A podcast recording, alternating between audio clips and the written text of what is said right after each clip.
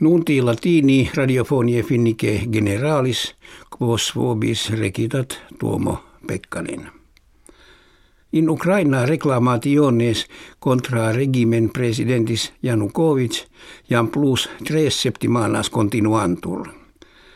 Die Dominico statua Lenini kvein platea independentie urbis Kiovie stabat a kivibus dejecta est et ictibus mallei fracta. Illa statua presertim kives nationalistas irritavit, quia symbolum habebatur libertatis deficientis et Ukraine cum Russia relationum.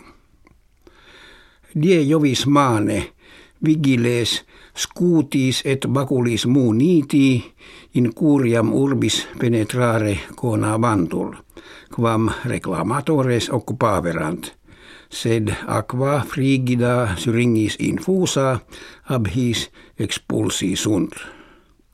Postea Vitali Zaharchenko ministera rebus Ukraine exteris nuntiavit vigiles jam non in plateam impetus facturos esse. Nelson Mandela pristinus presidens Republicae Africae Australis et vindex libertatis nigritarum nonis decembribus diem obit supremum. Postquam viginti septem annos in carcere fuit, de discriminatione fyletica finienda et de democratia in patria kenda cum carceratoribus suis albicoloribus sine amaritudine consulere potuit. Anno millesimo nongentesimo nonagesimo quarto primus presidens nigricolor Africae Australis creatus est munus presidentis post quinque annos de posuit.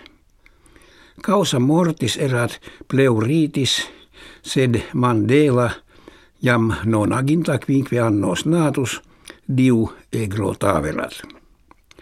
Publico sumptu de dominico in vico sonatali cunu efferetur. Memoria eius die martis Johannisburgi in regione Soveto batur. Aderant plus quam centum pristini aut hodierni moderatores nationum, qui ex diversis mundi partibus venerant, in his presidentes finnie Sauli Niinistö et Martti Ahtisaari culmen celebrationum erat oratio quam presidens americanor Barack Obama habuit. Investigatores finni connexum inter infectiones dentium et hemorragiam cerebralem invenerunt. Namin sanguine ex rupta aorta cerebrali fuso bacteria que originem in dentibus habent reperta sunt ideo aorta cerebralis rupta causam habere potestin dentium infectione. Ut res confirmetur ampliores investigationes sunt necessarie.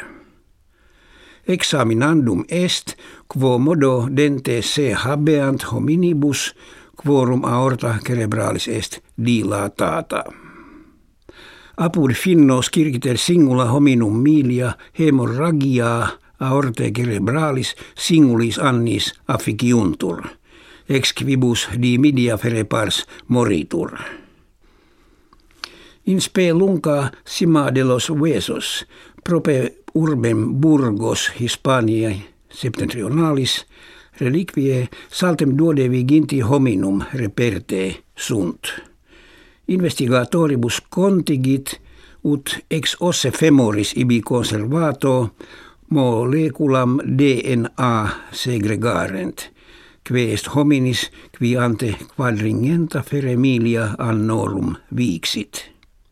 Petustior DNA hominis numquam antea segregata est.